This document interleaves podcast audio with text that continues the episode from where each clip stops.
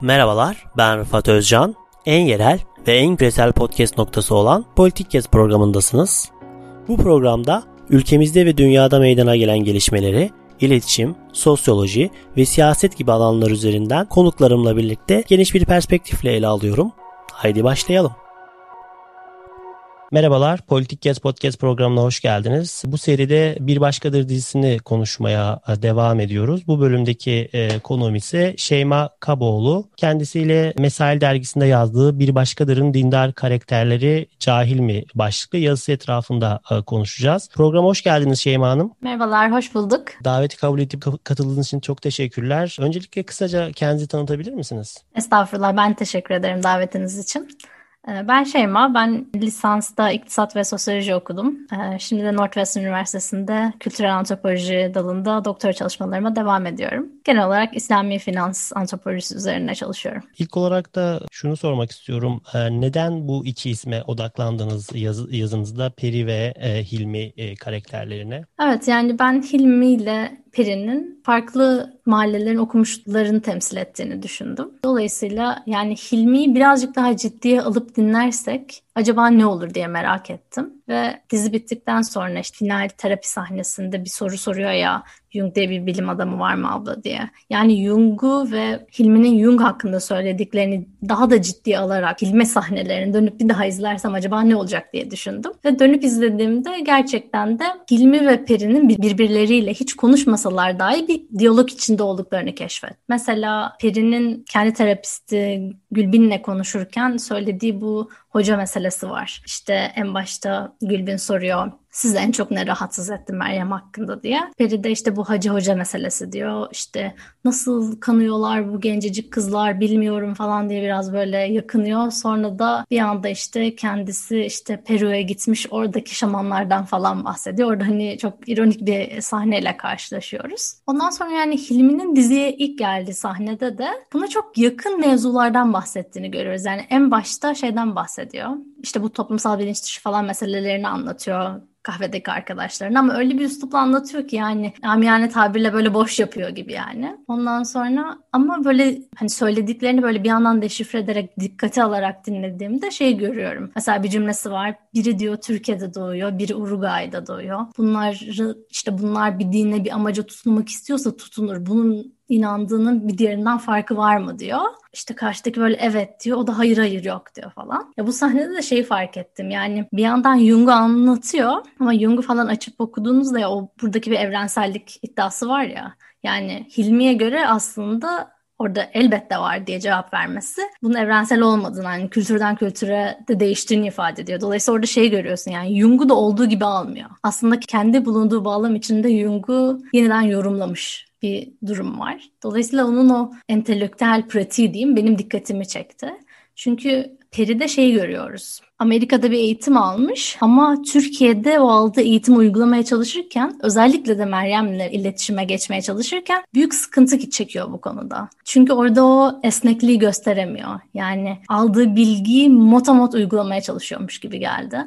Bunu tabii hani o daha Freudian yaklaşıyor, diğeri Jungcu yaklaşıyor falan diye e, yorumlayabiliriz yani. Hilmi'nin işte diğer sahnelerine baktığımızda da işte ya bu bütün o küçük küçük ayrıntılardan bahsediyor işte. Bireyleşme meselesi diyorum ben bireyselleşme demiyorum bakın buraya dikkat çekiyorum falan diye. E, ya da mesela işte peri özellikle böyle iktidarı olan yaklaşımları, güce olan yaklaşımlar ikisinde de önemli temalar. İşte peri şey derken ya güç onlarda falan diye böyle Meryem ötekileştirir geliştirirken Hilmi işte ben, benliğimizle yüzleşmeliyiz, karanlık tarafımızı tanımalıyız işte bu karanlık taraf herkes de var diyor işte başımızdaki siyasetçilerde de var diyor. Onları biz, bizim anlamamız gerekiyor, onları bizim tanımamız sonra da o kararı bizim vermemiz gerekiyor falan diyor. Dolayısıyla hani aslında ya o aralarındaki o farklı okumuşlukları temsil etmeleri bana çok ilginç geldi yani. Ve hani Hilmi'ninkini çok daha açıkçası hem daha yaratıcı hem daha hakiki buldum bu tavrını. Çünkü gerçekten kendi bağlamında okuduklarını değerlendirip insanlarla paylaşmak istiyor, onlara anlatmak istiyor. Dolayısıyla yani orada Hilmi'ye cahil yaftasını yapıştıran senarist değil biziz. Ya biz Hilmi'yi duymuyoruz. Hilmi Hilmi'yi biz dinlemiyoruz. Sıkıntı orada. Yani ben de ilk izlediğimde geçmişim. Ama geri dönüp baktığımda Hilmi ne diyor ya diye böyle bir ciddiye aldığımda farklı bir manzara çıktı yani karşıma. Gerçekten onu şok oldum. Özellikle şey sahnesinde şok oldum bu son bölümde Peri'nin arkada böyle bir müzik var. İşte Meryem'e ders veriyor. İşte bastırdığımız, ortaya çıkaramadığımız, kimseye anlatamadığımız duygular var diyor. Bütün insanlarda var bu diyor. İşte su bir işte nasıl bir taşın üstünde çatlığını bir noktada mutlaka bulur duygular da diyor işte anlatmaya çalışıyor falan. Biz bunu tabii işte bize ders veriyor. O müzik eşliğinde çok dikkat alarak dinliyoruz falan. Meryem de böyle gerçekten şey yapıyor onunla hani aa diyor abla çok şeysin falan. Meryem de ciddi alıyor. Biz de izleyiciler de ciddi alıyor. Geri dönüp izlediğimde şeyi fark ettim. Yani iki bölüm öncesinde, altıncı bölümde Hilmi bunların hepsini söylemiş. Bu Meryem'le baş başa kaldığı bir sahne var ya. Hilmi bunların hepsini anlatmış ve işte siz, sen diyor işte duygular diyor onlar bastırdığın zaman döner dolaşır diyor onlar yerini bulur. Yani farklı dışa vurum atabilir diyor. Orada hani Peri onu bayılmak olarak açıklıyor. Hilmi daha olaydan habersiz bir şekilde Meryem'e bunları anlatıyor yani. İşte biz bu dışa vurumu engellemek için duygular her neyse kişinin yaşamasına izin vermeliyiz diyor mesela Hilmi. E, aynı cümleyi iki bölüm sonra final bölümünde Peri kur- kuruyor. Tüm duygularımızı hissedebilmek için kendimize izin vermeliyiz diyor. Yani bunu senaristin bilerek yapmamış olma ihtimali yok bence. Çünkü ikisine de böyle aynı deyimleri kullandırıyor işte suç atlığını bulur şeklinde.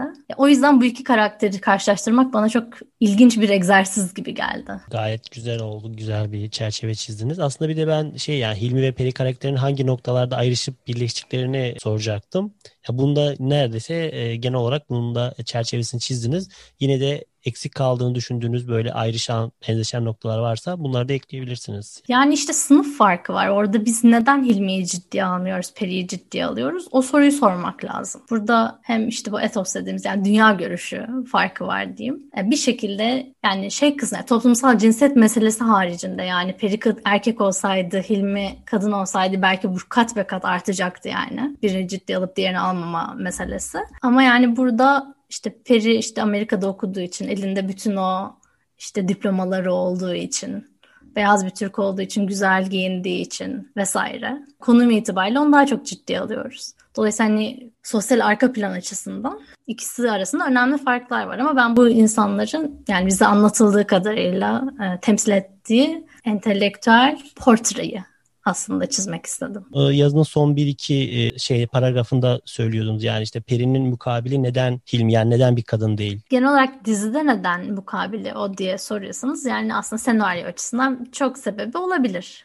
Çünkü hani Meryem'e aşık olan birisinin erkek olmasını istedikleri için Hilmi erkek yani. Onun dışında yani okumuş işte farklı insanlar da var. İşte Hayri Nisa da var mesela. Başörtülü bir karakter. Sonra başını açıyor. Ama bu yine de hani ya şey ayrımı da yanlış. Ya ben şöyle yorumlar dedim işte Hayri Nisa dinden uzaklaştı falan. Yani oradaki o o da bizim okumamız açıkçası. O da bizim algılayış biçimimiz. Hayır Nisan dinden uzaklaştığına dair başını örtmeme kararından başka hiçbir şey görmedim ben. Siz gördünüz mü? Dolayısıyla o da bizim yakıştırmamız. Programa katıldığınız için teşekkür ederim Şeyma Hanım tekrardan. Yani aslında o son bahsettiğiniz bizim kendi yakıştırmalarımız. Yani bir sizden önce de işte bir sosyal psikologla e, konuşuyordum. O zaten e, bir önce yine bahsettim ya bu isimleri biz böyle yaklaşalım diye e, bu e, tiplerin oraya yerleştirildiğini, bizim kalıp ön yargılarımız, yargılarımız ortaya çıksın diye o tiplerin oraya yerleştirildiğinden e, bahsetmişti.